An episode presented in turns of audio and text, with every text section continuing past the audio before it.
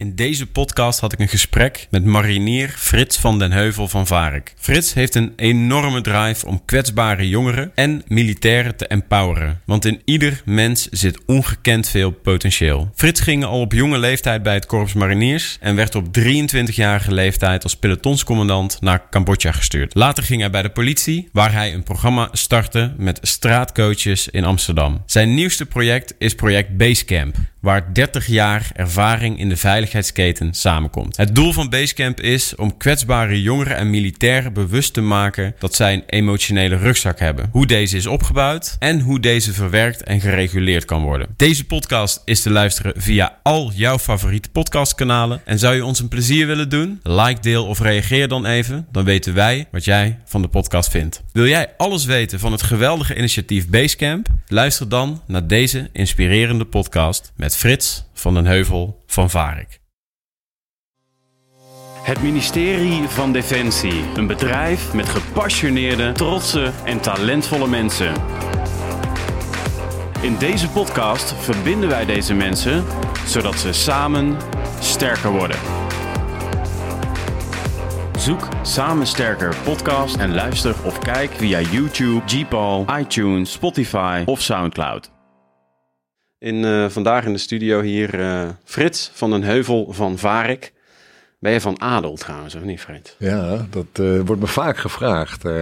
dit is in een lang verleden, of ver terug, dan zijn er wel sporen van, maar we hebben het Hmm. nooit helemaal ontdekt. We hebben wel een familiewapen en dat komt uit Varik. Kijk. Dus Varik is een plaatsje uit Gelderland. En daar is een berg. Ja. liggen al mijn voorouders begraven. Dus het is- Serieus? ja, ja, Ah. ja. Kun je trouwens jouw dingetje even afdoen, want dan, is dat, dan tikt dat niet op zo.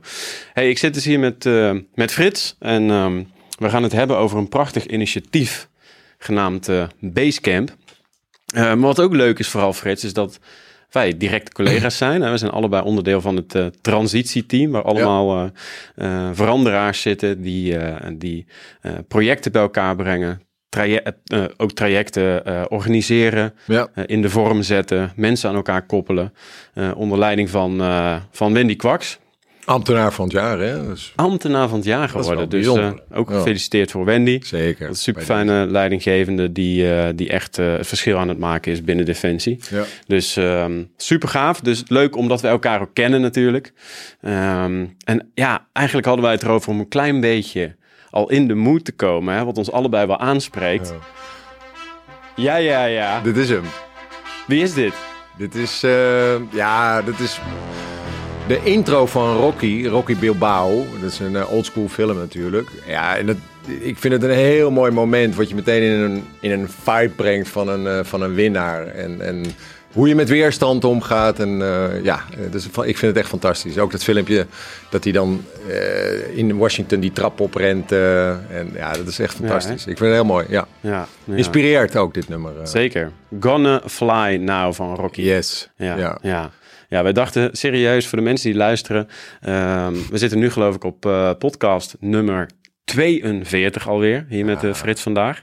Eh Dat vind, ik, dat, vind, ik, dat vind 41. ik ook een, een, een hele mooie. eh, waar je- waar je ook mee bezig bent. Dat wil ik ook nog even gezegd hebben. Van, van al die mooie series, al die ja, bijzondere mensen die je hier in de podcast hebt. En ook wat je met portretmakers doet. eh, vind ik echt heel, heel mooi en waardevol werk. Thanks man, Ja. thanks. Gesprekken voeren man, daar ga ik van op aan.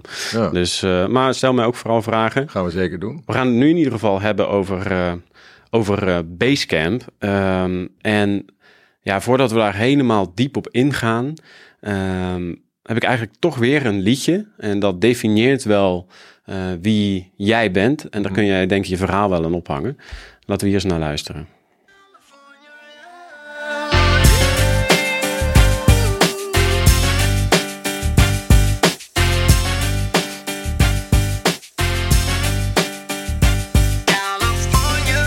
Welk jaar is dit eigenlijk?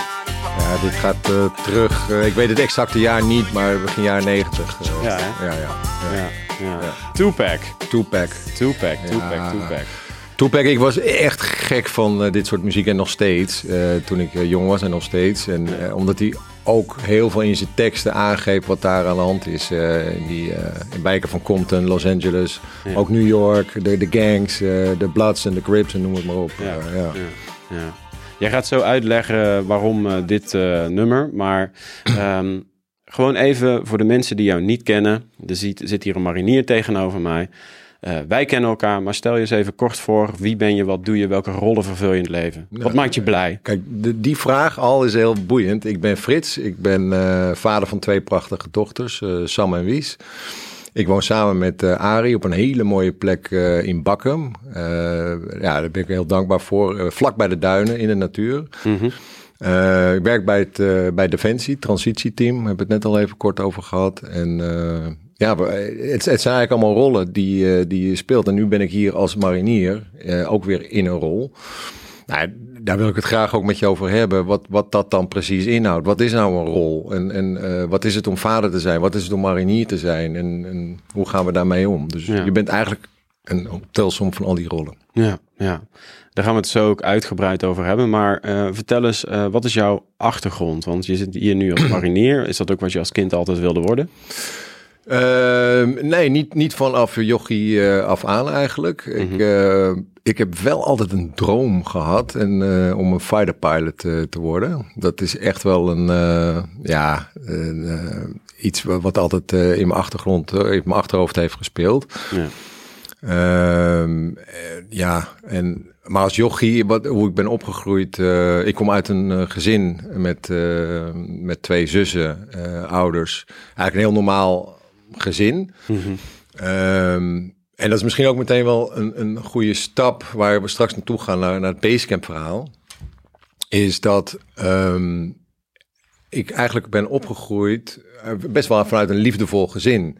Maar mijn vader, uh, die is eigenlijk opgegroeid vanuit de oorlog. Is een oorlogskind geweest. En die kon niet heel goed met zijn gevoel omgaan. Dan druk ik me zachtjes uit. En ik was een heel gevoelig kind. Mm -hmm. Dus ik had niet een hele goede klik met mijn oude heer. Het was best wel confronterend en lastig ook wel.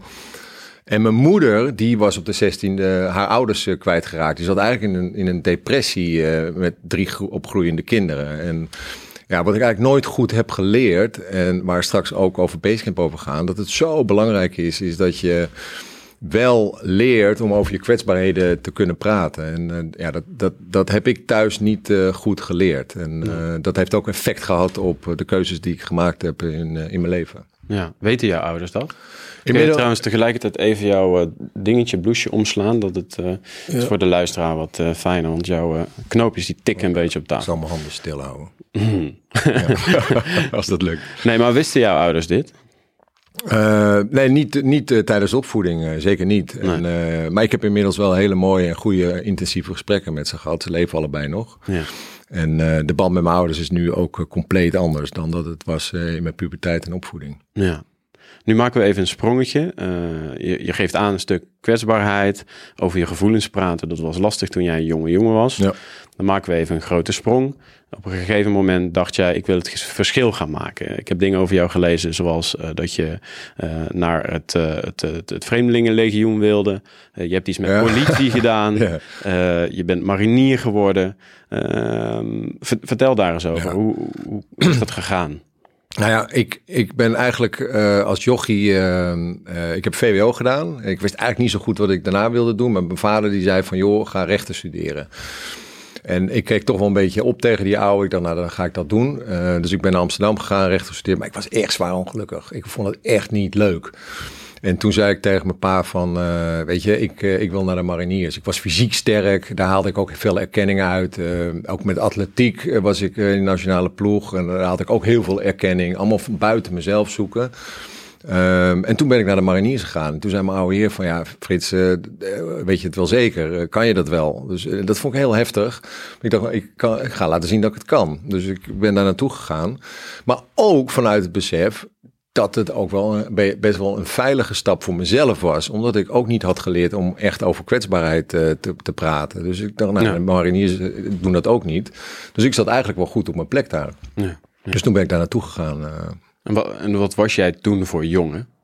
Ja, een uh, jongen die, uh, die het heel erg uh, buiten zichzelf zocht, die eenzaam was, die op slot zat qua gevoel, een beetje alleen op de wereld. Een beetje het idee dat je het allemaal zelf moest doen, want, want dat was het gevolg. Ja, ja. Dat ik daar niet goed thuis over kon hebben, is dat je vrij snel zelfstandig wordt. Ja. Dat uitte zich ook dat ik vrij snel door Europa ging reizen, eh liftend tot mijn zestiende. En eh, ja, weet je, dus je had echt het idee, ik kan de wereld aan. Ja. In, de kern is het natuurlijk helemaal niet zo. Ja.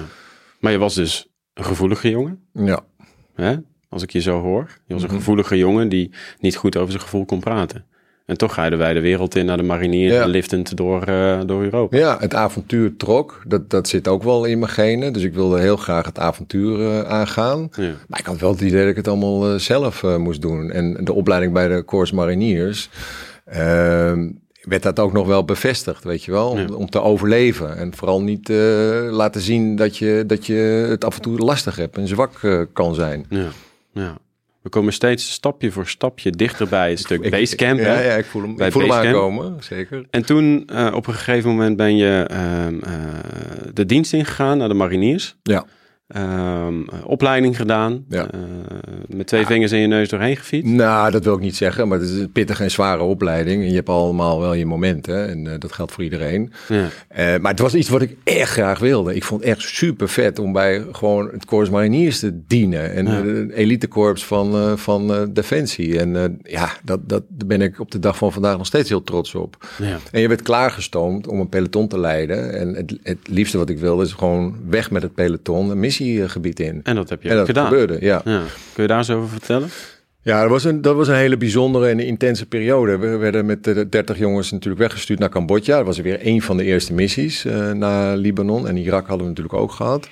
Ehm, ja, en als je dan kijkt hoe je voorbereid bent, dat is, ehm, ja, je wordt voorbereid op, op het land. Je wordt voorbereid op eh, drills, eh, standard operational procedures. Maar waar je niet op voorbereid wordt, is wat je daar gaat zien en ervaren. En hoe je daar op een goede en gezonde manier mee om kan gaan. Dat Ja. leren we niet. En nog steeds zijn we daar niet heel goed in. En, en dat, is ook een, dat is ook mijn betoog, ook mijn Basecamp waar we straks over gaan hebben. Om te leren van dat we allemaal een rugzak bij ons dragen. eh, waar allemaal shit in gaat. En als jij ervaring hebt en dat gaat rechtstreeks die rugzak in. En je doet er niks mee. Ja. Uiteindelijk gaat het in je lijf zitten. Krijg je stress, krijg je burn-outs, krijg je woedeaanvallen, whatever. Heb jij ook zo'n ervaring gehad daar?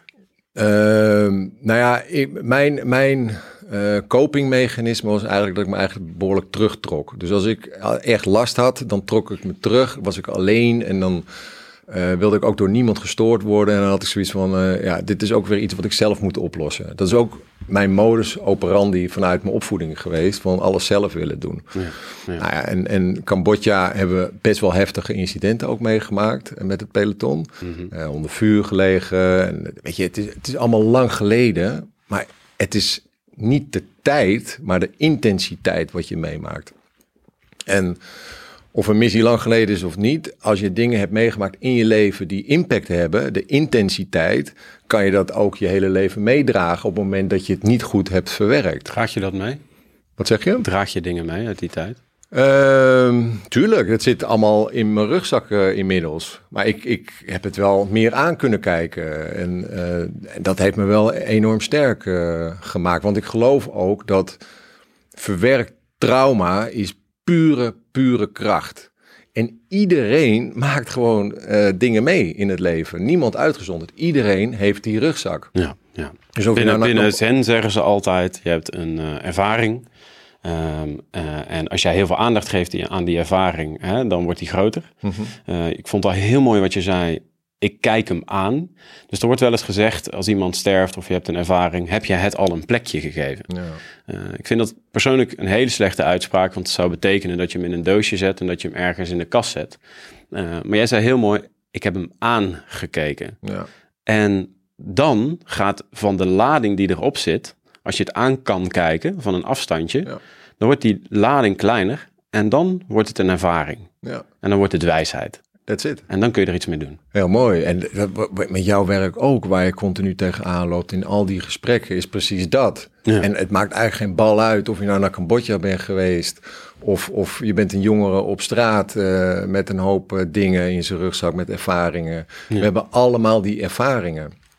En eh, PTSS is natuurlijk een heel gelabeld iets, maar iedereen heeft een soort van trauma bij zich. Weet je, en de een pakt dat goed op en kan het op een goede manier aankijken, zoals, je dat, zoals we dat hier ook zeggen. Ja, en dan gaat het voor je werken. Ja. En dan, dan, is het, eh, dan is het een kracht in plaats van een last. Ja. Nou, het onzekere, ja, niet onzekere, eh, de gevoelige jongen ehm, ging naar de mariniers. De gevoelige jongen die ging naar Cambodja. Ja, Jij was pelotonscommandant. ja. Eh, je moest daar een groep van 30. 30 eh, gasten, neem ik aan. Ja, Ehm, eh, daar, daar had je de leiding over. yes. Ehm, al die ervaringen die neem je mee in je rugzak. ja. Toen kwam je terug. Wat ging je toen doen? Ik ben toen nog een tijd, eh, nog een jaar bij het korps eh, geweest als eh, tank, eh, anti-tank eh, pelotoncommandant. Eh, maar ik, ik had wel zoiets van, mm, ik, ik ben er wel een soort van klaar mee. En ik had ook het gevoel, Cambodja had toch wel behoorlijke impact, eh, voelde ik.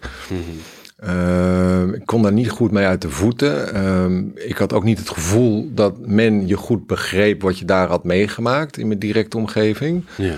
Eh, ik was toen met een, eh, met een eh, vriendin, daar was ik mee verloofd. En ik kwam terug, ik voelde echt helemaal niets meer. Dus ik, ik merkte ook dat ik mijn gevoel eigenlijk helemaal nog verder had weggestopt. Die had ik al weggestopt, maar die was nog verder weg. Ja. Dus ik was eigenlijk ook een soort van lost wel, weet je wel. Toen, en toen heb ik ook ontslag genomen bij het Corps Mariniers. Ehm, en, ehm, ja, en, en toen kwam ik in een, in een fase dat ik eigenlijk niet zo goed wist wat ik nou eigenlijk met mijn leven eh, wilde. Ik, Ja. ik zat best wel in een, in een eh, koersloos eh, verhaal. En uiteindelijk was voor mij een dieptepunt dat ik in Parijs belandde. Je noemde het net al, bij de Foreign Legion. Ja. En ik had zoiets van, ja, ik, ik kan met een wapen omgaan. Ehm, eh, dat, dat is wat ik kan. Ik heb me geïdentificeerd met één rol, het Corps Mariniers. Ik weet hoe een militair moet handelen. Ja. Ehm, weet je, ik, ik ga wel naar het eh, Foreign Legion. Dus ik zat daar ehm, eh, op het hoofdkwartier, op het hoofdkantoor in Parijs. En eigenlijk was alles eh, all set to go. Eh, maar toen was er een stemmetje, godzijdank, die zei van doe het niet. Dus Ja. ik heb het uiteindelijk niet gedaan. Ja. En daar ben ik achteraf wel heel blij mee. Maar als ik zo op terugkijk, geeft het zo aan dat alles wat in mijn rugzak zat, tot dat moment ook, ehm, ja, dat, die wordt gewoon zwaar. En daardoor ga je ook enorm in je hoofd leven. En dan zijn de beslissingen niet altijd eh, in je voordeel. eh Ja. Druk me zachtjes uit. Want mijn hart was eigenlijk compleet afgesloten. Ja. En ik geloof heel erg dat dat weer in lijn moet zijn om weer de juiste beslissing te maken en die rugzak aan te kijken. Weet je, en eh, nou ja, dat, dat Dat was je toen nog niet aan doen. was ik toen nog niet aan toe. Nee, zeker niet. Nee. En toen ging je nog meer stoere dingen doen.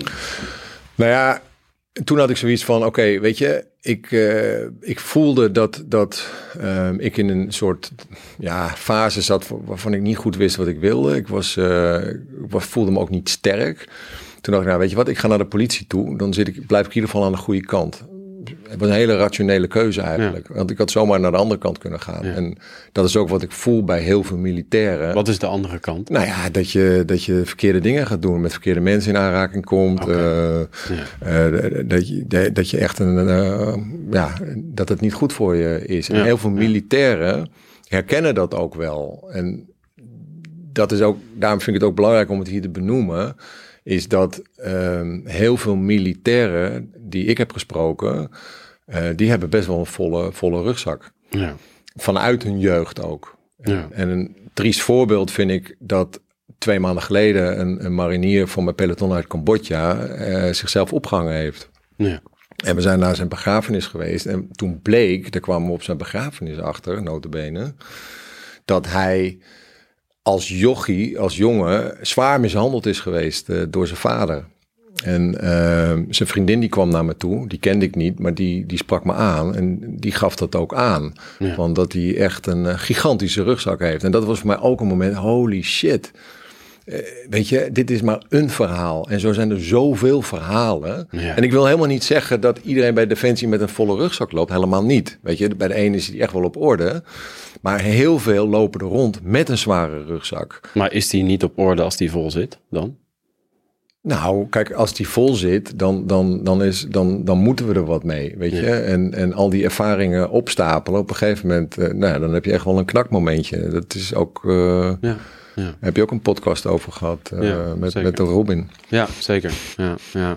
Hey, dus je bleef nog uh, uh, wel rationeel bezig met je beslissingen, hè? veilige beslissingen voor jou. Mm allemaal ehm, beslissingen die toch wel ehm, in het veiligheidsdomein lagen. Ja. Dus je ging naar de politie. Ja.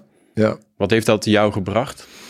Ja, dat heeft me ook wel heel veel mooie dingen, goede dingen gebracht. En ook wel inzicht in die veiligheidsketen. Want ik dacht van, ik kom uit Cambodja. Daar heb ik het wel aardig wat meegemaakt en gezien. Uh, en toen had ik mijn eerste stage bij de politie in Amsterdam. Uh, was ik betrokken bij een, uh, een schietpartij, een ripdeal. Uh, in de Belmer, waar drugscriminelen elkaar overhoop hadden geschoten. We kwamen daar als eerste aan echt letterlijk gaten dichtdrukken. Uh, en toen had ik zoiets van, holy shit, weet je. Uh, ik dacht, Cambodja, daar is het heftig. Maar hier in Amsterdam uh, net zo. Ja. Ehm, en in, in die eerste week ook een gast die in zijn ballen was geschoten. Een afrekening van een zedendelinquent. Daar kwamen we ook als eerste te plaatsen aan. Hebben we moeten reanimeren. Nou, te vergeefs. Uh, een verkeersongeluk, uh, waarbij iemands hand was afgezet, allemaal in één week. Dus ik had echt zoiets van, holy shit, weet je wel. welkom bij de politie. Welkom bij de politie, ja. ja. Ook vaak, vaak is dat wel heel erg onder, uh, onderbelicht, hè? Zeker. Ja. Dat vind ik ook wel een dingetje als met Ronaldo nou, Isaac natuurlijk ja, ook hier. Ja, absoluut. Dat hij zei, uh, heeft dat boek ook geschreven, ja. First Responder, hè? Ja. Dat ja. um, hij wordt eigenlijk, laatst wel een dingetje. Toen, toen stond ik zelf voor een groep veteranen. En toen ging het erover wat definieert een veteraan. Een Ronaldo bijvoorbeeld wordt niet gezien als een veteraan. Omdat hij niet op missie geweest is in het buitenland. Ja, ja. Weet je, dat is typisch Nederlands natuurlijk ook. Alles willen we in een hokje. ADHD, uh, PTSS, ja. veteraan. Weet je, je moet kijken naar de persoon. Wat heeft een persoon nodig? Los van al die stempeltjes, weet je. En uh, dat, ja vind dat uh, wel uh, beperkend, al die ja. uh, stempels. Dus je maakte heftige dingen mee um, als politieagent, toen, ja. toen nog in stage volgens mij. Hè? Stage, uiteindelijk ben ik het korps ingerold, wijkteams gezeten. bij de recherche als teamleider, wat ik een hele mooie functie vond, op moordzaken. Mm -hmm. Ook heftige dingen meegekregen ja, dus een hoop ervaring opgedaan. Maar ook met jongeren uh, weer in aanraking. En dat is een soort rode draad wel hoor. Ja, en, uh, want we draaiden net natuurlijk uh, California Love, ja. Tupac. Daar begonnen ja. we mee hè. Ja. Um, en, de, en, en, dat is ook wel een nummer, een, een haakje. Want, want je hebt ook een scriptie geschreven. Ja. Je bent ook naar de US geweest. Klopt. was dat vanuit de politie? Was vanuit de politie en op eigen initiatief. Omdat mm -hmm. de Bloods en de Crips, ja, dat, dat heb ik altijd iets mee gehad met de gangs de professor gebeld, naar LA gegaan en die heeft me meegenomen die wijken in met de sheriff department. Ja, dat was een lifetime experience. Uh, en ook met, vooral met de jongens gesproken, de gangmembers die vastzaten, lifetime sentence. Dus ik ben uh, de gelegenheid gehad om met die jongens te praten. En dan keek je ze in hun ogen en dan vroeg je van, joh, heb je spijt van wat je hebt gedaan? Toen zei hij, nee, weet je, het was hij of ik. En, en ja. Ja, en dat gaf, was voor mij ook weer zo'n besef dat waar jouw wieg staat, dat het ook zo bepalend is. Uh, mm -hmm. Weet je, en, en dat echt wel ja, uh, een heleboel jongeren het nodig hebben om even een zetje in de rug te krijgen, om de faciliteiten te laten creëren om uh, zelf iets van hun leven te maken. Ja. Maar dat was echt heftig, echt indrukwekkend ook. Ja. Ik, ik, ik, vat hem even samen. Hè? Dus we hebben de wannabe fighter uh, pilot, die uh, toch iets wat gevoeliger is en moeilijk over zijn gevoelens kon praten met zijn ouders. Inmiddels ja. is dat natuurlijk uitgepraat. Ja. Um, je bent toch allerlei dingen op gaan zoeken die jou neerzetten. Hè? Dus je was jezelf neer aan het zetten. En correct me if I'm wrong, om toch dat gevoelige stuk misschien nog niet helemaal te laten zien. Maar jouw eigen rugzakje werd eigenlijk ook steeds voller. Hè? Ja. Dus eerst bij de mariniers, Cambodja, vervolgens politie. Ja. Vervolgens ga je nog naar de US toe. Ja. Dus ja, ik zie de rode draad wel langzaam richting um, jouw uh, uh, uh, gevoel voor iets doen voor jongeren. Ja. Um, vat ik hem zo goed samen? Ja, vat je goed samen. En wat daarbij denk ik ook nog bij mij van belang was dat ik enorme last van faalangst had. zeker toen ik jong was. Ja, en dat, dat, dat werd eigenlijk ook wel gevoed omdat ik nooit over die kwetsbaarheid kon hebben. Dus ik drukte alles, alles weg. Dus ik vermeed ook situaties om te falen. En daar is die vliegopleiding, die fighter pilot wat je zegt, is ja. daar echt wel een exponent van. Ja. Want ik ben nooit naar de keuring gegaan met als reden faalangst. Want als ik niet naar de keuring hoef te gaan, dan hoef ik, word ik ook niet afgewezen. En dat is echt een oproep ook naar de luisteraars, weet je wel, van holy shit, weet je, je beperkt jezelf zo. Eh, en dan komen we weer bij de openingsnummer van Rocky Balboa, Gonna Fly. Ga uit die kooi en ga het aan. Ja. Want we laten ons zo beperken door ons eigen gevoel. En dat heb ik heel lang gedaan. Ja. Echt heel lang gedaan. Vanuit angst en wantrouwen. Ja. Ja, Mooi man. Ja, en ja die angst en wantrouwen is niet mooi. Dat- Nee, nee, nee. Maar, Maar mooi dat je dat is- hier zo zit te het, is, vertellen. het is wel mooi waar het toe kan brengen ook. Ja. En, en, en dat vind ik heel gaaf. Ook met het project waar we nu mee bezig zijn. Waar eigenlijk al die ervaringen samenkomen ja, om, om iets moois te doen. ja. Ja, waarom zeg ik mooi? Want het gaat uiteindelijk allemaal om bewustwording. Hè? Want, want, want eh, je ziet er als 35 uit, maar je bent Dank je, 53. 53. Ja, Hè? wel omgedraaid. Ja. dat is wel goed. Ja, dat is toeval. Ja. Of niet? Nee. Maar weet je, en dat is natuurlijk hartstikke mooi. Dat, ehm, eh, dat is ook niet. Kijk, eh, ik heb zelf ooit eh, gediagnosticeerd met een angststoornis. Ehm, ehm, dat wat, toen was ik 29 of bijna 30. Nu ben ik 36. Ja, dat was een heftige periode geweest. En in die jaren ben ik mezelf pas bewust geworden van mijn eigen patronen. Ook vette faalangst, man. ja, En ik ging ook, ik start ook ooit bij de mariniers en luchtmobiel en de landmacht. En ik heb bij de brandweer gezeten, ik heb bij verkenners gezeten. Ik heb alles gedaan, maar ik hopte maar omdat ik eigenlijk helemaal niet wist wie ik was. nee. Dat is ook een van de grootste boeddhistische vragen. Hè? Die mensen misschien wel een lifetime, of misschien wel meerdere levens, zichzelf, eh, eh, wie daarin gelooft, zichzelf stellen. Who am I? Wie ben ik eigenlijk? Maar wa- wat jij nu zegt, weet je, dat ons verhaal is, staat niet op zichzelf. Het is, ja, het is ons verhaal, het is jouw verhaal, het is mijn verhaal. Maar iedereen heeft het verhaal zoals wij hebben. Weet je, maar op een andere manier ingevuld. In een, ander, in een andere setting, in Ja. een andere context. En wat ik een hele bijzondere uitspraak vind, is van de Sioux-Indianen. Van de langste weg die iemand aflegt, is van het hoofd naar het hart. En ook weer andersom. Ja. Weet je, we leven zo vaak in ons hoofd. Als ik Zeker. voor mezelf praat, hè, dan is mijn hoofd heel sterk. Daar gebeurt gigantisch veel. En er zit heel veel dynamiek. En ik vind ook mooi als je jezelf soms een vraag stelt van... moet ik iets doen of moet ik deze baan of moet, moet ik iets anders? Ja. En je stelt hem aan je hoofd, krijg je een duaal antwoord. Ja. Heel rationeel. Je krijgt de voordelen, de nadelen. Mhm. Maar stel diezelfde vraag heel bewust aan je hart. En je krijgt vaak al een antwoord voordat de vraag gesteld is. Ja, ja, precies. Ja, ja. Ja, en Ja. dat vind ik mooi. Ja, mooi, mooi. Ik wil langzaam, wil ik ehm, eigenlijk met jou naar, wat is nou precies Basecamp? Ja. Ehm, ik wil dat eigenlijk, jij gaf aan mij een, een liedje wat heel veel voor jou betekent. Ehm, en ik ga hem gewoon weer langzaam even inveden.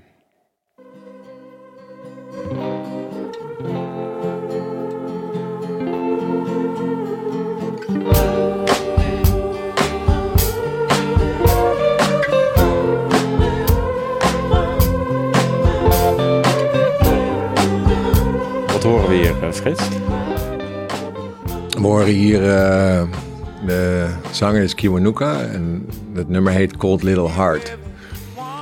En dit nummer staat voor mij eigenlijk voor alle jongeren die, eh, die zoekend zijn, die zichzelf verloren zijn, die op straat leven, die in gevangenis zitten, eh, die niet eh, bij zichzelf terecht kunnen, eh, die het gewoon zwaar hebben, is dit nummer, Cold Little Heart. En Ja. ehm, het is ook een hele mooie eh, tekst waarin dat ook heel goed wordt weergegeven van wat dat nou precies is. Dus dat je twijfelt over je eigen hart. Heb ik wel een goed hart of is mijn hart slecht? Ja. En ja, en ja, dit nummer eh, is voor mij. Ik krijg er echt altijd kippenvel van, en nu ook weer. Laten we nog een stukje luisteren.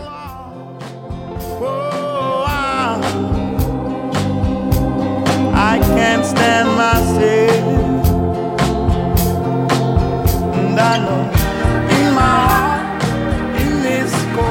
Mooi. Ik ga hem even uitveden, want anders krijgen wij eh ruzie met Bu- Buma Stemra en dan gaan ze hem eraf gooien. Ja. Ehm, wat is Basecamp? Basecamp is een eh, project waarin jongeren, militairen eh, weer bij hun eigen kracht komen. Eh, vanuit de wetenschap dat iedereen een rugzak heeft. Een figuurlijke rugzak. we maken jongeren militair bewust dat ze een rugzak hebben en ook wat erin zit. En dat ze vervolgens daarmee ook kunnen engagen. En als er dingen te verwerken zijn, dat er ook mee dat dat proces ook op gang komt. Dus het is een start van een bewustwordingsproces die o zo belangrijk is, eh, zowel in het militair domein, maar zeker ook voor heel veel kwetsbare jongeren in, eh, in de grote steden in Nederland, in het Ja. Koninkrijk, de Nederland moet ik zeggen, Ja, ook ja, voor de. Antillen. Dus dat is eigenlijk in een nutshell is, eh, is dat eh, Basecamp. En Basecamp zegt het al. Basecamp, militaire wereld, staat ook voor veiligheid. Je, je basiskamp. Daarin moet je je zooi op orde hebben. En eh, voordat je een voet buiten Basecamp doet, moet alles kloppen. Ja. En wat mij betreft zit er altijd een stap voor. Dat is je eigen basecamp, je interne basecamp. Dus dat de veiligheid is in jouzelf. En dat is ja, voor mij echt een soort van voorwaarde. Omdat ik dat zelf ook heb ontdekt. Na eh 50 jaar levenservaring. Dus ik ben er vrij laat achter gekomen. Maar het heeft me zoveel gegeven om die zoektocht naar binnen te doen. En in die eigen rugzak te duiken. Wat zit daar nou? En ja, dat is zo gigantisch mooi om dat proces aan te gaan. Ja. Maar er is ook moed voor nodig, omdat je ook je shit moet aangaan. En als daar nog dingen zitten, dan moeten we ze ook ja, onder ogen komen. Echt letterlijk onder ogen komen, voordat je het als voordeel weer kan inzetten. Want het blijft altijd daar. Dus die- rugzak, al die ervaringen, die blijven in je rugzak zitten. Alleen het gaat erom, en dat vind ik een mooie parallel met Defensie, hoe pak je je rugzak in? Ja. Hoe wordt die draagbaar voor jou? En ben je in staat om dat zelf te reguleren? Mooie metafoor, zeker. zeker. Eh, Voor mij is het heel helder hè, waarom dit voor jou belangrijk is. Hè. Je neemt ook een stuk van je eigen ervaring daarin mee. En dat is natuurlijk supergoed. Ehm waarom heeft Defensie dit nodig? Wat is de parallel tussen die jongeren en die militairen? Ja, dat is ei- eigenlijk een hele mooie parallel. Want of je nou militair bent of jongere, iedereen heeft eh, nogmaals eh, die rugzak. En om ze bij elkaar te brengen, eh, leer je ook, zie je ook dat, het, dat je niet uniek bent met jouw eigen rugzak. Hè, want dat heb ik jarenlang gehad. Ik dacht van, ja, wacht even, ik, ik durf er niet over te praten. Over mijn kwetsbaarheid en mijn falen en noem het allemaal maar op. Ja. Weet je, ik ben alleen op de wereld eigenlijk. Maar hierdoor laten we zien, nee, je bent niet alleen. We zijn met z'n allen. Samen sterk. Samen sterk. En dat is zo'n mooie titel. Ja. Dat is zo mooi van de podcast ook, Ja. jouw titel. Want daar geloof ik echt in, om dingen te verbinden. De knots te verbinden met elkaar. Ja, mooi.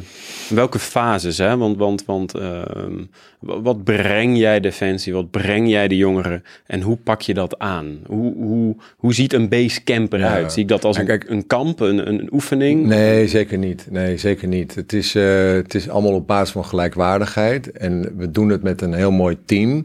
Weet je, en het, ik ben er ook heel bescheiden in, omdat we, we er zit namelijk geen end state in. Hè, dus wat we doen is dat we uitgaan van de kracht van, van het individu, want daar geloof ik echt heilig in. Daar zit het innerlijke vuur, om dat vuur weer te laten voelen en laten branden. En het is ook niet zo dat eh, militairen, eh, dat je per se aan de grond moet zitten of zo. Eh, helemaal niet. Maar het, het is echt een tool waarin je meer bewust kan worden van je eigen potentie, van je eigen kracht. En iedereen heeft die kracht. ja. Mooi, mooi. En, en ben ik dan benieuwd naar, want je zegt even heel snel, eh, het gaat niet om een end state. Nee. Eh, oftewel een, ehm, ja, hoe kunnen we een end state eh, verwoorden? Een einddoel. Ja, einddoel. En dat is natuurlijk. Ik, ja, ik kom vanuit die veiligheidsketen. En, en altijd alles wat je doet, elk project heeft een beginstaat en een eindstaat. Eh, alleen dit proces is, heeft geen eindstaat. Het brengt je in een positie waarin je uiteindelijk veel bewuster wordt en je keuzes veel dichter bij jezelf kan houden. Waardoor je veel meer in je eigen kracht kan komen. Ehm, en dat is voor jezelf, maar ook voor je omgeving een veel fijner iets. Maar het is een continu proces. En wat, wat levert dat dan, ondanks geen end state? Wat zou dat in potentie Defensie op kunnen leveren? dat collega's ehm, niet meer geïdentificeerd zijn met één bepaalde rol. Ehm, eh, vanochtend zat ik nog een podcast te, kijken. Dat vind ik een mooi bruggetje. ehm, van eh, John Peters. Dat is een RAF eh, fighter pilot. En die is in Irak neergeschoten. En die is toen ook op tv gekomen als, als eh, krijgsgevangene. Is gemarteld. Een hoop shit meegemaakt. En hij zegt ook, ehm, deze ervaring heeft mij echt kracht gegeven. Ehm, ik, ik, hij zegt van dat, ehm, eh, nee, het even kwijt. het heeft hem kracht gegeven. Knip dit er maar. Nee, nee, nee, dat kan gewoon prima. Nee, het heeft hem kracht gegeven en hij heeft zich niet geïdentificeerd aan één bepaalde rol. Dus eh, dat was voor hem een rol en hij heeft dat losgekoppeld. En het mooie was, is dat hij echt door deze ervaring heeft geleerd dat hij onafhankelijk is. Dat hij eh, krachten heeft waarvan hij eigenlijk gods onmogelijk had gehouden. Want Ja. hij zat twee minuten ervoor, zat hij nog in een high-tech environment. En twee minuten later was het low-tech. Alles was van hem afgepakt en was hij super kwetsbaar. En dat heeft hem heel veel gebracht. En hij heeft het niet als slachtoffer heeft hij zichzelf gezien. Maar iets dat de- deze ervaring hem nu toe heeft geleid... dat hij all over the world aan het spreken is om mensen te inspireren. Niet vanuit slachtoffer, maar vanuit de ervaring. Maar zeg je dan daarmee dat eh, in het verleden, en dat is natuurlijk geen aanval, want, eh, want dat wisten we niet, maar dat een militair maar in één rol wordt opgeleid of opgevoed of gevormd? Nou ja, gechargeerd vind ik dat wel. En eh, dat, ik noem het ook wel de shift waarin we nu zitten. eh, die vind ik echt voelbaar. Ehm, en en ja, als je kijkt naar het, het oude systeem, eh, hoe we eigenlijk vanuit de Eerste Wereldoorlog, Tweede Wereldoorlog, Vietnam, conventionele warfare, het opleiden van soldaten met als één doel veroveren van gebied, terrein en het doden van je, van je vijand, is dat wereldbeeld compleet veranderd door geopolitieke verhoudingen, noem maar op. Het is veel meer ongrijpbaar. Eh, we moeten veel meer adaptief gaan worden. Dat betekent ook dat als jij adaptief wil zijn als defensie, dat betekent ook dat je mensen adaptief moeten zijn. Die moeten kunnen schakelen. En die moeten dus niet meer vastzitten aan één rol, zoals van soldaat, met één doel. En die erfenis zitten we nu, vind ik. Dat is mijn mening. En dat we echt een shift moeten gaan maken van soldiers naar de warrior mentaliteit. En voor mij, in being a warrior is not about fighting, but it's engaging your true self. Nou, en dat is ook wat Basecamp uh, voor staat, is dat je echt vanuit eigen kracht geïdentificeerd aan jezelf, maar niet meer aan een rol. Maar je kan wel allerlei rollen goed spelen en je kan er ook weer van terugschakelen. En hardmanship, want er wordt ook wel eens gezegd van hoe zit dat daarmee? Die zal alleen maar versterkt worden. Wat Omdat is dat? Hardmanship is dat je zeg maar in, in, in meest extreme omstandigheden heftige dingen kan, zoals Corps Mariniers en waar we als defensie voor staan, maar ook politie, altijd in de frontlinie staan. En daar heb je ook hardmanship voor nodig. Om door te gaan waar anderen stoppen, stoppen. en ja. teruggaan, gaan wij altijd door. Ja. Niet alleen mariniers, maar überhaupt defensie en de veiligheidsketen. Dus dat betekent dat we in de kern heel krachtig moeten zijn. En dat ja. we niet vastzitten aan één bepaalde rol. En dat je altijd kan terugschakelen weer naar jezelf. En kan evalueren wat jij hebt, uh, hebt gedaan.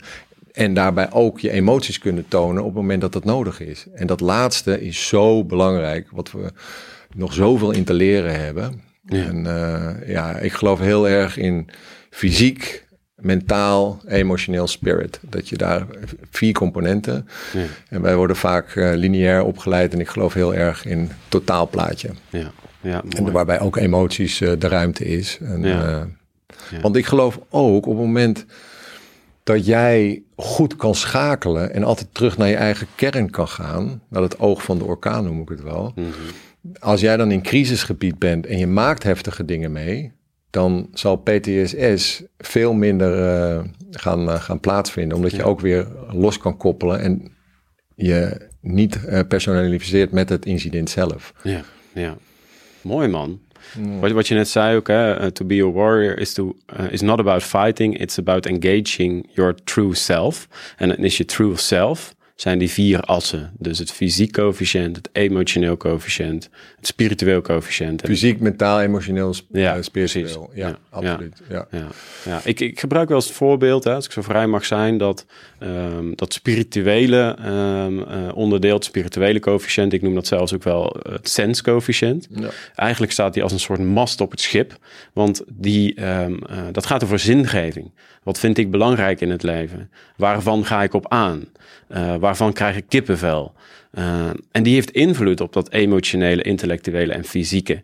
Uh, en als je alleen maar focust op dat fysieke en intellectuele vaak, mm -hmm. dan sla je dus het emotionele en spirituele stuk heel erg over. En ja. dat is niks geitenwolle sokken. Nee. Spiritualiteit voor mij is met twee benen op de grond. Ja. Doen wat goed voelt en wat klopt. Ja, en je kernwaarden, dat is heel spiritueel, hè, wat jij belangrijk vindt. Veiligheid in mezelf, Ja. veiligheid voor mijn gezin. Ja. Eh, dat is heel spiritueel. Verliefdheid, er is niets spiritueler dan verliefdheid, want dat kunnen we niet definiëren. Zeker, ja. We weten niet precies hoe het werkt, maar het gebeurt wel.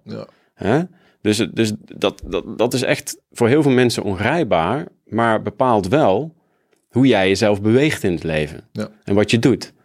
En is dat je true self? Het mooie is, ja, en, en iedereen heeft daar een eigen beeld bij, weet je wel. Ik, ik vind de Warriors voor mij, omdat ik vanuit een defensieachtergrond zit. Eh, De andere noemt het de sense, wat jij zegt. En iedereen heeft, de ander weer de bron. En iedereen heeft daar andere benamingen voor. En dat maakt ook allemaal niet uit, want eigenlijk zijn er geen woorden aan te koppelen. En dat is ook mijn ervaring, omdat het, het is, ik noem het ook de universele kracht. Weet Ja. je, dat, daar, daar zit zoveel power.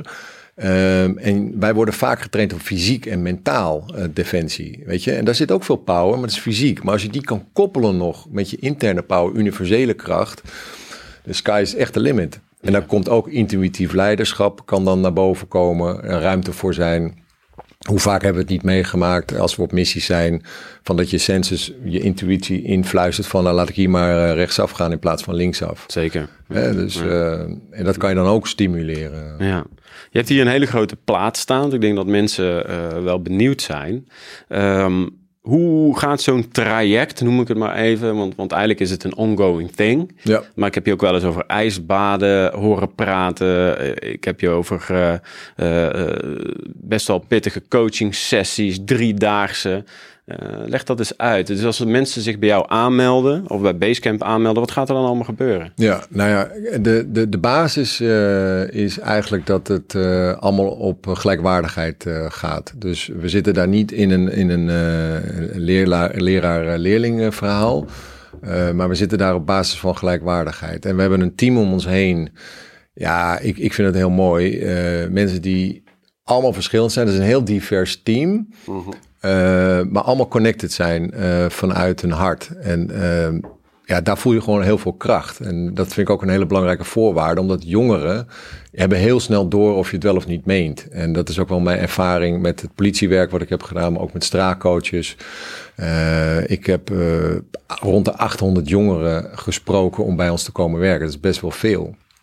En die ervaring, wat me dat heeft geleerd, is je moet geen bullshit verhaal met ze gaan eh, delen. Dus je moet echt de connectie eh, maken. Ja. En, en dan kan je een verschil eh, gaan maken. En Want dat is wat je doet, hè? Want voor de mensen die luisteren en niet kijken, eh, staat ook op YouTube. Dan kun je kijken. We zitten nu naar een plaat te kijken hier op een groot scherm. Ehm, dat is Basecamp Jongeren. Ehm, eh, en volgens mij was je nu al een klein beetje op het recruteren Ja. Aan het praten. Hè? Ja, Dus- we hebben een aantal fases. Eh, als we daar kort doorheen gaan, zes fases. Ehm, de eerste fase is inderdaad recruitment. En eh, daar hebben we een oude, oude straatcoaches voor, eh, topgasten. Ehm, eh, Randy en Georgia. En die spreken ook echt de taal van de straat. En dat is ook echt nodig. Ehm, om anders ga je die jongeren ook niet eh, naar je toe trekken. En wat ook belangrijk is, is dat je het jongerenwerk daarbij betrekt. Ehm, we doen het in Amsterdam in eerste instantie. Ehm, en, en dat is cruciaal, omdat er ook heel veel jongeren zijn waarbij de deur helemaal dicht zit. En daar heb je andere trajecten en ook andere tijd eh, voor nodig. En wat Basecamp eh, voor ons belangrijk is, is dat de deur al deels open staat. En hoe, doe, hoe zie je dat? Het is heel simpel, door een jongere voor, eh, voor je neer te zetten. En wat wij altijd deden, is als je iemand laat staan, dan zie je al vrij snel wat voor vlees je in de kuip hebt. En, Ja. maar ook het jongerenwerk, die adviseren ons daarin. Dus we hebben een hele goede samenwerking met een aantal jongerenwerkers die ja, de jongens op straat goed kennen. ja. Dus ben Stuk ik ook, eh, eh, recruitment eigenlijk. ja, het is op. eigenlijk recruitment. En weet je, we hebben ook contact met DCPL. Dat is onze werving en selectie. Alleen wat je ziet is dat de veiligheidsketen, de, de werving en selectie, eh, niet in die haarvaten komen op dit moment nog. En, Ja. Maar er zit zo gigantisch potentieel. En dat is de reden dat dit ook gestart is. Omdat wat we zagen is dat de veiligheidsketen zware tekorten heeft aan personeel. Ja. En aan de andere kant honderdduizenden jongeren eh, zitten met, met heel veel potentieel en talent. Ja. Maar die nog niet klaar zijn voor de veiligheidsketen of ander werk. Die nog even een tweak nodig hebben. Die in hun kracht gezet moeten worden. En dat ze gaan inzien dat ze een verschil kunnen maken. Nou, dat willen we met Basecamp ook eh, gaan realiseren. En eh, ja, dat is prachtig mooi, mooi werk. Nou, heb je op een gegeven moment een groep jongeren. Ja, dan gaan we kijken. Dan eh, hebben we een impact coaching. Dat is een één op één. Want dat is echt de kracht van dit project. Dus niet kwantiteit, maar kwaliteit. Dus we gaan echt één op één met die jongeren. Nou, dat is Michiel van der Pols met uh, doorbraakcoaching. Daar hebben we een hele goede samenwerking mee. Uh, en vervolgens hebben we impactdagen. Uh, dan gaan we met breathing, uh, deep breathwork, met ijsbaden, meditatie. Want bij Michiel gaan we kijken wat, wat zit er in die rugzak. En vervolgens moet er ook zaken verwerkt kunnen worden. En ja. nou ja, de ervaring leert met breathing, daar heb je ook ervaring mee. Ja. Is gigantisch. Het, uh... Heb je een voorbeeld van uh, een van de jongeren die een voorbeeld wat je heel erg aangesproken heeft? Ja, we, we hebben deze tool um, gebruiken we ook bij het uh, maatschappelijk diensttijdprogramma van Defensity College. En uh, daar gaan ook heel veel jongeren erheen en doen we ook breathwork, maar deep breathing. Want je kan het uh, op zoveel manieren inzetten. Daar kunnen we een hele podcast over vullen. Ja. je kan het inzetten voor ontspanning. Ehm, je kan het inzetten, energie. energie, alles, weet ja. je wel. En ja. waar wij het met name voor inzetten is ook om dieper naar je kern te gaan. En, ja, na, na die lagen waar die rugzak ja, ja, ja. En wat je ziet is dat jongeren, als we dat doen, spontaan in huilen uitbarsten, vaak geen idee hebben. Um, maar omdat we ook het gesprek hebben gehad, kunnen we het vaak wel uh, labelen. En uh, kunnen we ook ondersteunen. En uh, ja, die jongeren, het is een soort opluchting ook. En het is ook een start, weet je. En dat is echt fantastisch om te zien. Ja. Mooi, mooi. Ja. En wat gaan we dan doen? Nou ja, wat, wat, die, wat je hier ook ziet is dat het circulair is. Hè? Dus mijn ervaring is ook dat als jij iets gaat ondernemen met jongeren, dan is het ook belangrijk dat je ze vast blijft houden. Totdat ze enigszins ook stabiel zijn. En hoe doe je dat? Door samen te werken. Want dat kunnen we onmogelijk zelf doen. Ja. Dus het is belangrijk dat je een alliantie hebt met jongerenwerkers. Want ze komen uiteindelijk weer terug in de wijken. Maar ook met de buurtregisseur van de politie. Uh, met de gemeente. Dus je moet een heel netwerk gaan creëren waarin die jongeren veilig kunnen ontwikkelen. Ja. Want je zet iets in gang. Dat realiseren we ons ook heel goed. Ja. Je zet iets in gang, een bewustwordingsproces. En dat kan ook heel conflict, conflicterend zijn en heftig. Zeker. Dus we moeten ze ook daarin goed ondersteunen. En daarom beginnen we ook maar met zes jongeren en, en uh, zes militairen. Daar kom ik zo wel even over te praten. Uh, omdat je dan echt dat maatwerk en die kwaliteit ook kan, kan leveren. Ja. Alright, en dan zie ik staan, let's find your job. Ja, en dat zetten we aan het einde. Uh, waarom? Omdat aan de voorkant kunnen ze dat onmogelijk nog zeggen. Omdat ze nog zo in hun hoofd bezig zijn en in een overlevingsmodus. Ja. Uh, dus dat heeft geen enkele zin om dan al over werk uh, te hebben. Ja. dus dat doen we aan het einde.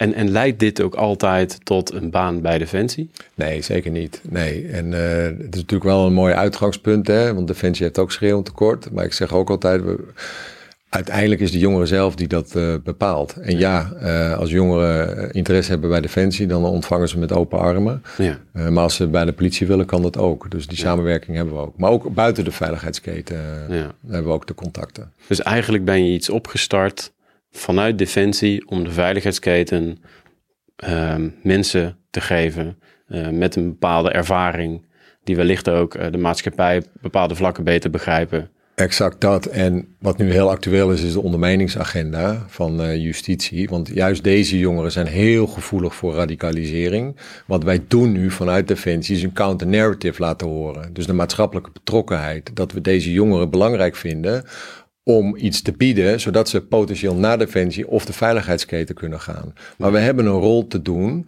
want er zijn honderdduizenden jongeren. Dat is gigantisch. Als je de rapporten op naleest, is het echt een groot probleem in Nederland. Ja. En we kunnen met dit project, hoe bescheiden ook, en in verbinding met al die andere mooie projecten die er zijn op dit gebied, hè, want dat wil ik ook benoemen, er is heel veel. En, en dit is een onderdeel daarvan. En er is geen enkele silver bullet. Maar we moeten elkaar versterken.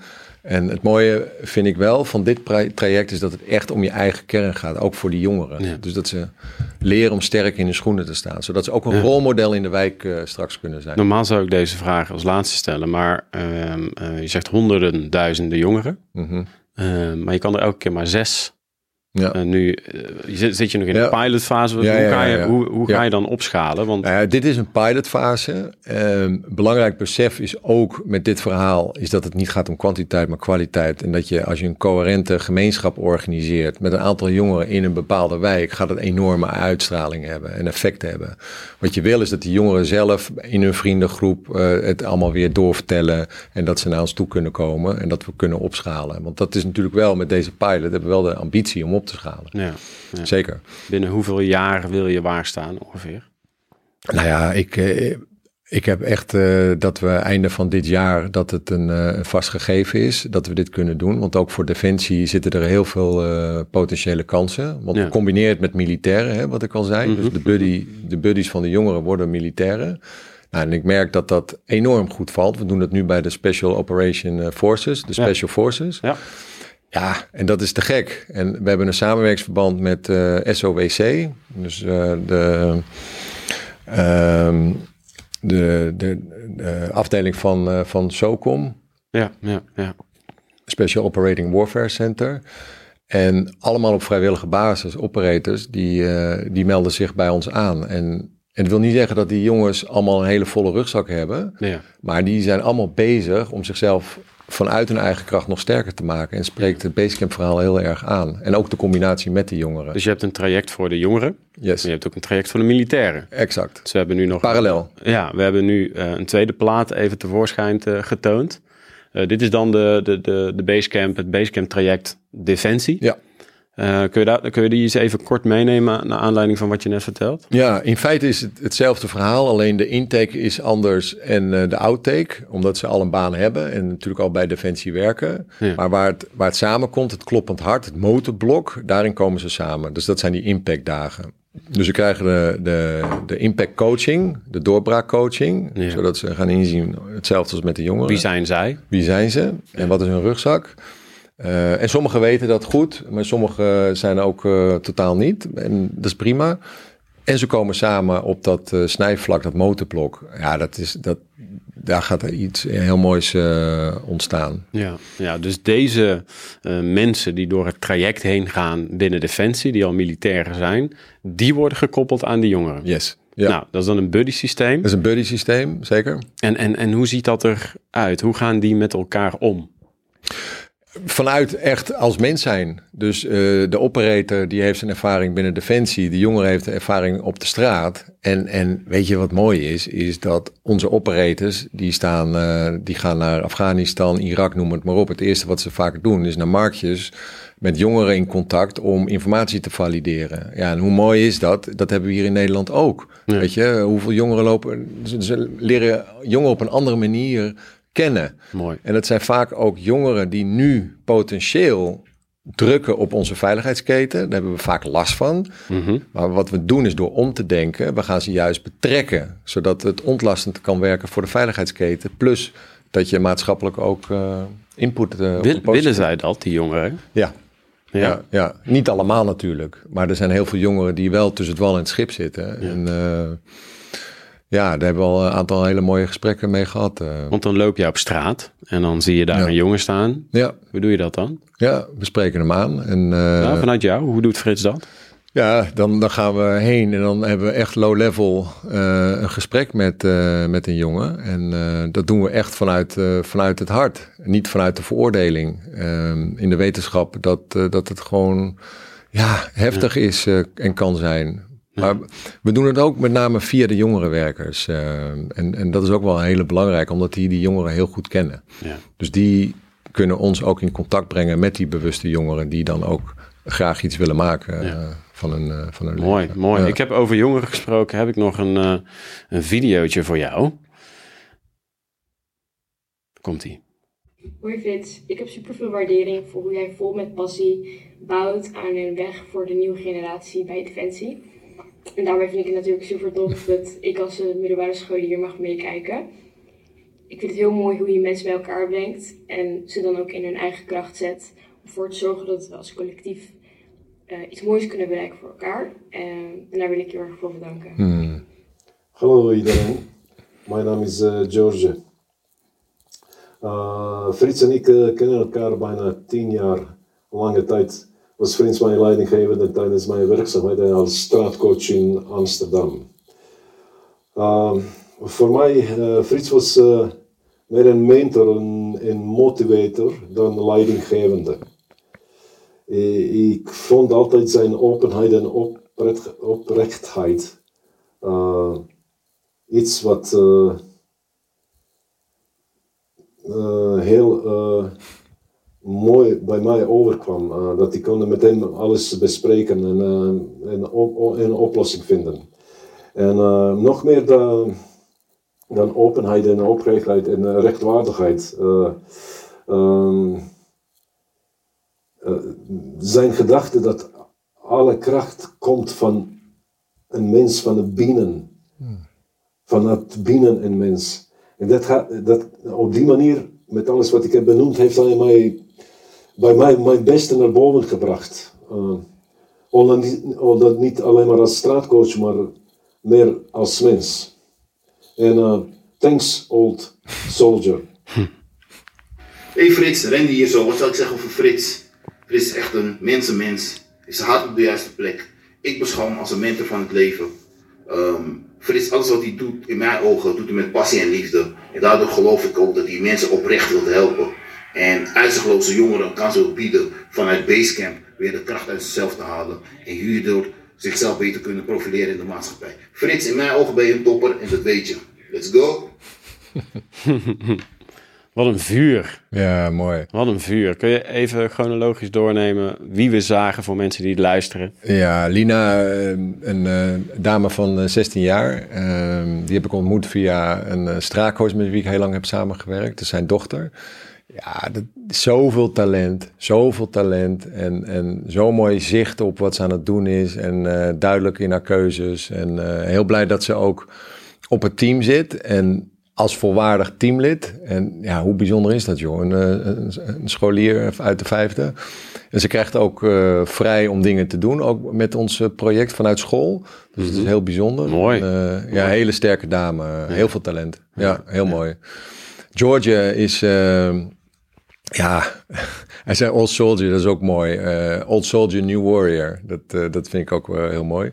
Hij, hij komt vanaf de Balkan, heeft een heleboel meegemaakt daar uh, tijdens, tijdens de oorlog daar. Mm -hmm. Hij is als straatcoach gegaan op zijn leeftijd. Hij begon toen hij 50 was, hij is nu rond de 60. Elke dag op straat met die jongeren engaged en heel groot respect voor. heel mooi. mooi. Randy, Uh, ja, die kan ook een boek schrijven. Die heeft uh, ook zoveel meegemaakt uh, vanuit de straat, het straatleven in Amsterdam. Keuzes gemaakt uh, die hem ja, echt een spiegel hebben voorgehouden. Um, ja. ja. mooie gozer. En het is zo gaaf om met deze mensen samen te werken. Ja. En dat geldt hè, voor het hele team. Hè? Dus ook met breeding en cold exposure werken we met de broers van Wim Hof. En dat zijn ook hele mooie en bijzondere mensen die echt vanaf het begin daarbij uh, betrokken zijn mhm. geweest. Mm -hmm. ja, en, en we hebben ook een arts aan boord. Dus trouwens een oud marinearts, Eva. Ja. Uh, een psycholoog, uh, Maxime. Mm -hmm. die zit bij de GGZ, waar ik ook vrijwilligerswerk doe in Castricum. Ja. nou, dat, dat is mooi. En Iwan, die is als sportinstructeur hier in, bij het korps en het is ook een hele mooie gozer, ook druk met yoga en een hele mooie zienswijze heeft. En allemaal betrokken zijn ze met, uh, met jongeren en het concept. Ja. Dus ja, dat, ik, ik, prijs me echt rijk uh, om, uh, om met al deze mensen aan, aan zoiets moois bezig te zijn. Mooi Frits, en ja. vooral mooi om te horen hoe zij over jou praten. Ik kan me voorstellen dat het jou ook wel iets doet, want het, het is iets wat vanuit jouw kern komt. Je bent naar LA geweest, je hebt Cambodja, je hebt van alles gedaan. Nu ben je 53 jaar oud. Ja. En volgens mij ben je nu echt aan het doen ja. waar jij van op aangaat. Ja, zeker. En, en alles komt eigenlijk samen. En dat, dat vind ik he, ook heel bijzonder dat na zo'n lange zoektocht eigenlijk uh, nu alles uh, op, uh, op, op één plek komt waar je gebundeld in focus kan hebben. Ja.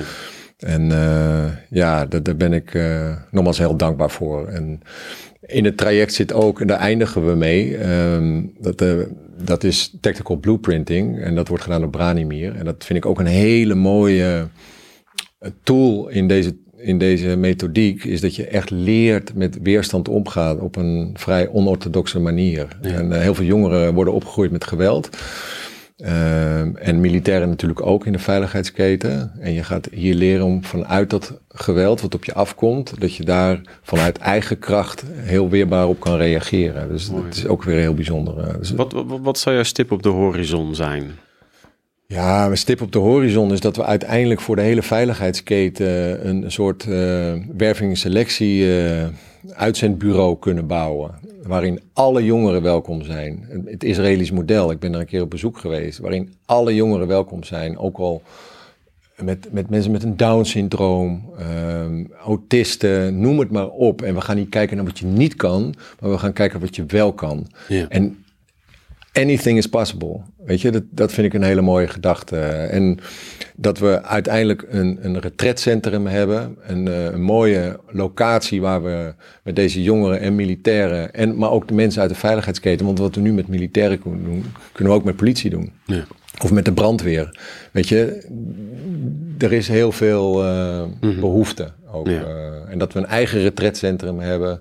Dus bij deze ook een oproep aan mensen die iets weten eh, in de natuur. Misschien een oude kazerne of Ja. iets anders. Ja. Maar dat zou mooi zijn, een uitvalsbasis waar we dit verder eh, vormen ook eh, kunnen geven. Dus eigenlijk zeg je de outcomes en mensen ondanks het feit dat het altijd, dat er geen end state is. En wat ik hier wel hoor, de druk eh, neemt van de veiligheidsketen af. Omdat je Ja. eh, hè, die jongeren die in een moeilijke situatie zitten ondersteunt om hun true self, hun eigen blueprint te vinden. En dan vanuit daar, vanuit veiligheid, vanuit hun eigen basecamp te gaan kijken wat wil ik en kan ik iets betekenen voor die veiligheidsketen. Ja. Dus het werkt twee kanten op. Zeker. Dat is eigenlijk de boodschap, denk ik. Ja, en intern ontlast je ook de, de, de druk door echt te kijken naar, eh, ja, naar onze militairen. Om eh, die nog meer in hun kracht te zetten. Ja, ja, ja. Prachtig. Echt heel mooi waar je mee bezig bent, eh, Frits. Ik, ik kan me zomaar voorstellen, maar ik wil de podcast ook altijd lekker compact houden. Ehm, ik kan me zomaar voorstellen dat er heel veel vragen zijn van mensen. We kunnen ook zeker niet alles bespreken, eh, want dan zitten we hier over drie dagen nog. Ja. Ehm, ehm, wat ik jou wil vragen is, hoe kunnen mensen zich aanmelden? Hoe komen ze terecht bij Basecamp? Eh, wat gaat er dan gebeuren? Hoe ziet dat eruit? Ja, nou ja, als, eh, als er mensen zijn die zich willen aanmelden, kunnen ze contact met mij opnemen op mijn eh, e-mailadres fh.vd.heuvelvanvarik.mindef.nl En ja, ik, ik treed heel graag in contact, contact met anderen, ook met allerlei andere eh, initiatieven. Want ik weet dat er binnen Defensie, maar ook binnen politie, veiligheidsketen heel veel mooie initiatieven zijn. We hebben natuurlijk DGI, eh, gezond inzetbaar, eh, we hebben MGZ, we hebben allerlei instanties die met mooie dingen bezig zijn. En ik geloof heel erg in het uiteindelijk koppelen met elkaar. En dat we de mens daarin altijd centraal zetten. Ja, Ja. mooi. Hebben we nog iets gemist, Frits? Iets wat je heel graag nog kwijt wil? Ehm, nou ja, misschien een soort van samenvatting ehm, van, van Basecamp en mijn eigen ervaringen is dat als jij nu zit eh, of, of je luistert hierna en, en je denkt van holy shit, ehm, je, bent er niet, je staat er niet alleen voor, weet je. We hebben allemaal onze, onze shit en Ja. eh, je staat er niet alleen voor en zoek naar mensen om je heen ehm, waar je je verhaal kan doen. en ja, dat, dat is wel de uitnodiging die ik doe. Door over emoties te kunnen praten, eh, gevoelens te kunnen praten. En dat het veel meer in een baseline zou moeten zijn dan dat het nu is. En eh, begin met, ja, ook, ook voor richting NLDA, Kim, KMA. Zorg nou dat we onze leidinggevende hier veel meer tools aan geven, zodat we ook iedereen daarin goed kunnen ondersteunen. Want Ja. het is zo belangrijk. En uiteindelijk worden we alleen maar krachtiger als mens, als team en als organisatie. En ja, dan eh, koppeling vanuit eh, het hart. Ja. Dus hoofd, hart verbonden met elkaar. eh, Mooi. dat wens ik iedereen toe. En ik, ik kan me ook voorstellen dat het af en toe een beetje raar kan overkomen of raar kan klinken. Of dat het misschien vaag is, maar het is verre van dat. En het is, eh, het is een proces wat ik iedereen gun. Oprecht. Ik gun het iedereen. Omdat ik het zelf ook heb ervaren. Omdat ik van die angst en wantrouwen kom. Ik kom van ver, best Ja. wel. En ik heb altijd voorgedaan als grote stoere jongen, maar eigenlijk heel klein was. En nu ervaar ik echt power. En, eh, en tuurlijk is het een proces. En ben je, heb je ook je momenten, die zal ik altijd blijven houden, maar ik kan er sneller uitstappen. En dat wens ik echt iedereen toe. Ja, ja. Vanuit eh, het oog van de storm. Yes. Mooi man. We Yes. ronden hem daarmee af, Frits. Dank je wel. En ik wens jou heel veel succes met Basecamp. Ik volg het al een tijdje van de zijlijn. Eh, Jouw kennende, ook hoe iedereen over jou spreekt. Jouw power die jij in je hebt. Het feit dat je jouw true self gevonden hebt. Ik, ik weet zeker dat het echt ehm, eh, super succesvol gaat worden. En eh, wellicht ehm, ehm, gaan we gewoon over een half jaar nog eens met elkaar in gesprek in de podcast. Misschien eh, met een aantal jongeren dat Ja. we hier om tafel gaan zitten. Daar hebben we het al een keer over Ja, gehad dat zou heel mooi zijn. om ook hun ervaring eh, te delen. Ja. Daar willen we wel heen.